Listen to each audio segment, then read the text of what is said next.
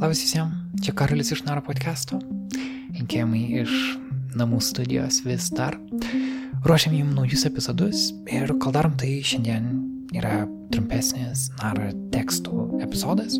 Šiuose epizoduose mes skaitome Nara LT publikuotus tekstus tiem žmonėm, kurie labiau mėgsta klausyti negu skaityti.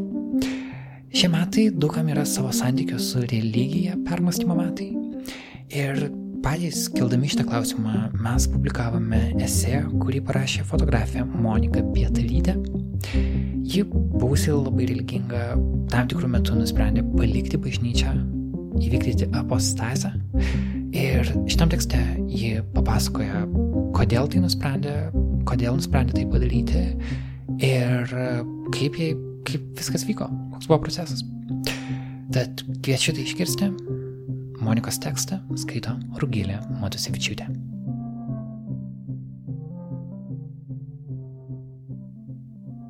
Kodėl aš palikau bažnyčią? Autorė Monika Pietarytė. Esu Monika, 31 fotografė. Gyvenu Vilniuje. Paradoksalu, tame pačiame kieme, kur įsikūrusi Lietuvos viskupų konferencija. Prieš trejus metus aš atsiskyriau nuo bažnyčios, atlikau apostazę. Tai nebuvo toks paprastas procesas, kaip gali atrodyti. Dėl apostazės taip pat kreipėsi ne vienas mano pažįstamas. Tačiau visi jie buvo dvasininkų nuvyti fraze užtenka nesilankyti bažnyčioje. Bet tai nėra tiesa. Apostazė yra ir oficialus dokumentas. Pažintis. Gimiau vidutiniškai religingoje jaunų tėvų šeimoje bet edukuota buvau išskirtinai katalikiškose mokyklose. Tai buvo patogu.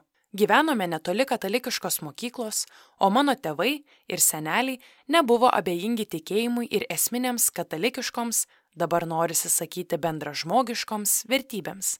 Močiutė bažnyčią lankydavo kiekvieną sekmadienį, o tėvai priklausė katalikiškoms jaunimo bendruomenėms. Kelis kart yra važiavę į Prancūziją lankyti vienuolių. Namuose jaučiausi gerai, Čia svarbiausia buvo pagarba, besąlygiškas palaikymas, nuoširdumas ir atlaidumas. Ankstyvoje paauglystėje ir pati prisijungiau prie katalikiškos organizacijos - ateitininkų. Tėvų religingumas tuomet jau buvo nuslūgęs. Aš tuo tarpu mišes pradėjau lankyti ne tik per pamokas, Kauno jezuitų gimnazijoje tai daryti buvo privaloma kartą per savaitę, bet ir sekmadieniais, jau visiškai savanoriškai. Viena. Organizacija įtraukė gitarom ir hebra, kurios tuo metu labai ieškojau. Mano tėvai buvo ką tik išsiskyrę, o ateitininkų kuopoje radau bičiulių, su kuriais daug juokdavomės, organizuodavome stovyklas, o vakarais, žvakių šviesoje, bandydavome pažinti savo vidų. Malda mums buvo kaip meditacija. Didelė dalis to meto draugų vis dar yra aktyvūs katalikai. Dviveidiškumas. Po keliarių metų ateitininkuose pradėjau jausti, kad mano ir vadovų įsitikinimai ėmė skirtis. Stovyklos metu viena vadovė pašėpė mane, mergaitę, dėl to, kad labai mėgau būti berniukų kompanijoje. Nesupratau, kodėl būnant draugais lytis turėtų būti svarbi. Pradėjau matyti dviveidiškumą.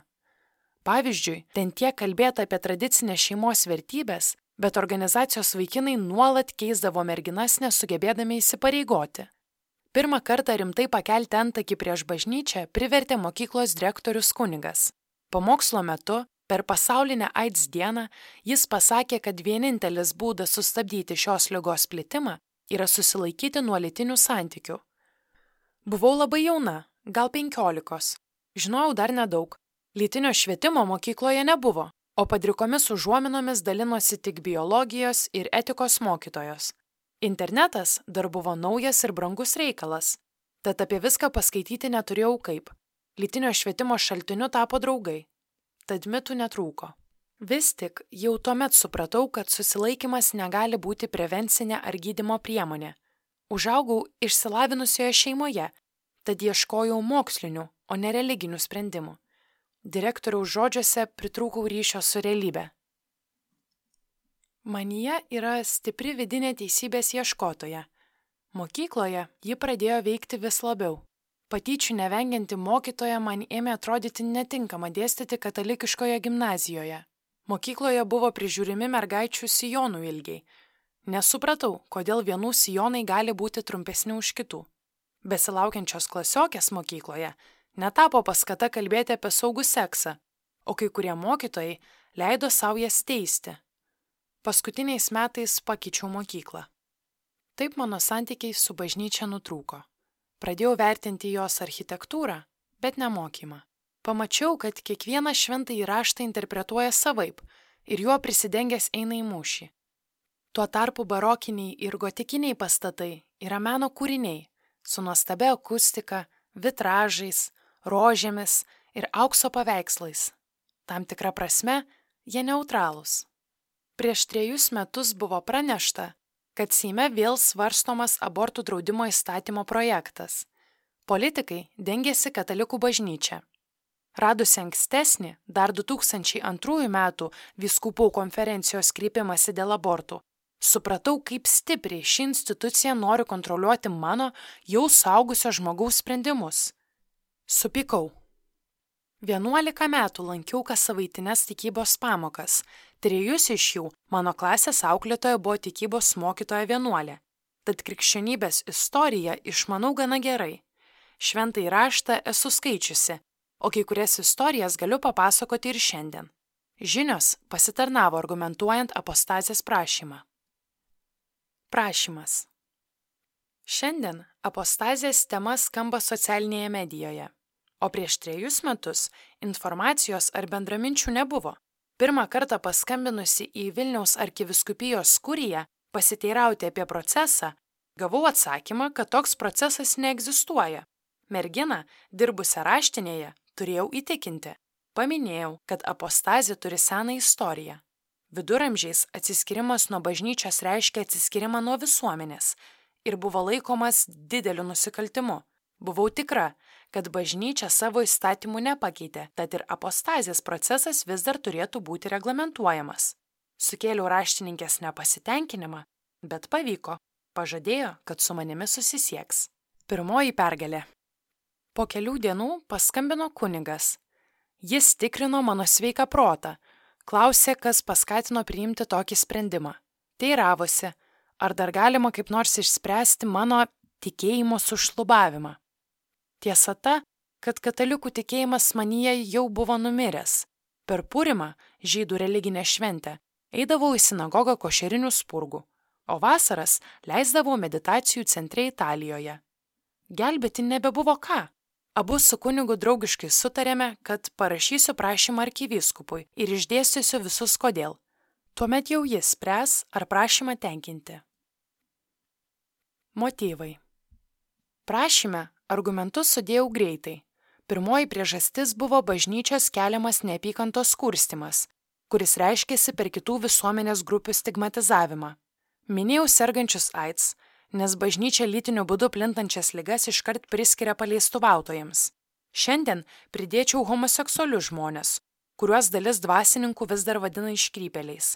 Taip pat minėjau celibatą, kuris istoriškai atsirado dėl bažnyčios noro išsaugoti turtą, Dar vengimą mokėti mokesčius, kurie galėtų padėti Biblijoje vis minimiems vargstantiems. Užbaigiau rašydama apie kančios aukštinimą. Man jis buvo nepriimtinas. Šiandien šiek tiek gailiuosi, kad nepaminėjau ir kunigų pedofilijos istorijų. Išsiunčiau dvi prašymo kopijas - registruotu ir elektroniniu paštu. Laukiau atsakymo. Išsiuntusi prašymą apie jį pasakiau ir tėvams. Jie nustebo bet nestabdė. Šeimoje bendraujame atvirai, o tėvams mano užsispyrimas ir savarankiškumas puikiai pažįstami. Buvau mokoma sprendimus priimti pati, bet kai gyvenime prireikė išminties, mielai tariuosi su tėvais. Tačiau šį sprendimą norėjau priimti pati. Šioje vietoje noriu pabrėžti, kad mano kova prasidėjo su institucija, bet ne su tikėjimu. Doras katalikas yra pagarbus, tolerantiškas mylinti savo artimą kaip save patį, o kiekvienas žmogus turi teisę į tikėjimą, kuris nežaidžia kito. Viešoji erdvėje pilna komentarų, kam tau to reikia, juk neini bažnyčia ir to gana, nesutinku. Man svarbu garsiai pasakyti, kad nepagrįstas homoseksualių žmonių ar bet kokios kitos visuomenės grupės žeminimas nėra mano vertybė. Man svarbu garsiai pasakyti, kad nenoriu turėti tradicinės šeimos. Su partneriu gyvename nesusituokę, be vaikų. Noriu, kad tokia mano šeima irgi būtų gerbiama. Nenoriu, kad bažnyčia prisidengusi mano vardu remtų įstatymų projektus, kurie ribotų mano laisvę į kūną ir partnerystės pasirinkimus. Man svarbu garsiai deklaruoti, kad mano ir katalikų bažnyčios vertybės skiriasi. Šis faktas apibrėžia mane kaip žmogų. Susitikimai. Su arkiviskupijos kurijoje dirbančiais kunigais buvau susitikusi kelis kart. Jie norėjo įsitikinti, kad mano noras atsiskirti nuo bažnyčios nėra emocionalus, kilęs susidūrus su gyvenimo sunkumais. Pasimatyti neprieštaravau, skirtis reikia akis į akį, o noras išgirsti mano priežastis yra pagrystas. Susitikimams specialiai nesiuošiau, tikėjau, kad mano katalikiško auklėjimo pakaks. Esu smalsi, o tai maitina mano drąsą, tad prieš susitikimus jaučiau tik malonų jaudulį. Kurija yra didingas pastatas, kaip ir visi bažnytiniai. Įėjus į ją, mane sužavėjo kontražūrinė saulės šviesa laiptinėje. Apsaugos darbuotojas buvo malonus, tik paklausė, kokiu tikslu atėjau. Užėjus, vyskupas pasiūlė kavos. Bendrą kalbą radome nesunkiai. Gyvenime kunigų esu sutikusi ne vieną. Dažniausiai jie puikiai išsilavinę ir intelektualūs. Tiesa, gali būti kategoriški, bet šį kartą buvo ne tas atvejis. Kalbėjomės nuoširdžiai. Dalinausi savo nepasitenkinimu, o vyskupas kantriai atsakinėjo mano klausimus. Tai buvo pokalbis tarp dviejų žmonių, kurie turi skirtingus požiūrius, bet gerbė vienas kitą. Po malonios diskusijos vyskupas sutiko patenkinti mano apostazės prašymą. Konfliktai. Atrodė, kad viskas tuo ir baigsis. Procesas juk paprastas parašai prašymą, susitinki su dvasininku, gauni apostazę. Bet viskas buvo sudėtingiau. Pirmasis konfliktas kilo tuo met, kai paprašiau arkiviskupijos kurijos raštiškai patvirtinti mano apostazę. Kurijos raštininkė pranešė, jog kurija to nenori daryti, nes žodinis sprendimas yra pakankamas. Supratau, kad tikrai laisva pasijusiu tik pamačiusi užrašytą mano ir bažnyčios sutarties nutraukimą. Įjungiau įkyrumą. Buvau mandagi, tačiau raštininkė vis tiek nebeatsiliepė į mano skambučius. Suprantu ją, šeši skambučiai tikrai apsunkino jos darbą. Galiausiai vėl nuėjau į kuriją, pasiėmiau kompiuterį, atsisėdau ir pasakiau, kad laiko turiu, o dirbti galiu iš bet kur, tad sėdėsiu ant jų sofos tol, kol gausiu patvirtinimą raštu. Mergina raštinėje tikėjosi, kad pavyks mane išprašyti. Perspėjau ją, kad turiu vandenyną kantrybės. Ji nesugalvojo, ką su manimi daryti, tad suorganizavo dar vieną susitikimą su vyskupu. Jo metu ir gavau išrašą iš krikšto knygos. Esu tikra, kad mano prašymas, kuris virto reikalavimu, yra sąžiningas. Krikštas ir pirmoji komunija buvo fiksuoti noriai, apostazė nusipelnė lygiai tokio padėmesio. Nuo pirmosios mano užklausos iki krikšto knygos išrašo praėjo aštuoni mėnesiai. Dabar. Gavusi apostazę, nebegaliu dalyvauti bažnyčios gyvenime, tuoktis bažnyčioje, būti krikšto mama ar santokos liudytoja, kuningas negali manęs laidoti. Tiesa, paskutinį patepimą gali gauti visi prašantieji, nepriklausomai nuo religijos. Į bažnyčias toliau vaikštau darbo reikalais, draugų prašymų per vestuves ar turistiniais sumetimais. Jaučiu, kad bažnyčia bei dalis visuomenės yra įsitikinę, jog jų religija yra vienintelis mano ir daugelio kitų žmonių kelias. Priešingai, tikėjimo galimybių yra šimtai, o mano demokratiška teisė yra pasirinkti vieną iš jų. Norėčiau, kad bažnyčia lengvai paleistų nebetikinčius. Juk pradžioje krikščionims buvo labai svarbus laisvavališkumas. Jo pasigėdau norėdama atsiskirti nuo šios religinės bendruomenės. Apostazė suteikia man nuostabų laisvės jausmą Įsivaizduoju tokį kaip po skirybų. Atšvenčiau ją su draugais, buvo vyno ir juoko. Daugelis draugų žavėjosi mano drąsa, kiti stebėjosi, kiek daug laisvo laiko turiu. Buvo tokių, kurie uždavė konkrečių klausimų, nes patys nori atsiskirti nuo bažnyčios. vis dar mielai patariu, o visus, kuriems daviau patarimų ir kurie nueis iki galo, kviečiau papozuoti portretui. Galbūt iš to atsiras fotografijų serija. Reflektuodama paauglystę dabar suprantu, kad mano aktyvus bažnytinis gyvenimas buvo labiau susijęs su bendruomenė nei su tikėjimu. Nemanau, kad mano tikėjimas per visą šį laiką kaip nors pakito. Tikėjimas liko, tik dievai gavo kitus vardus.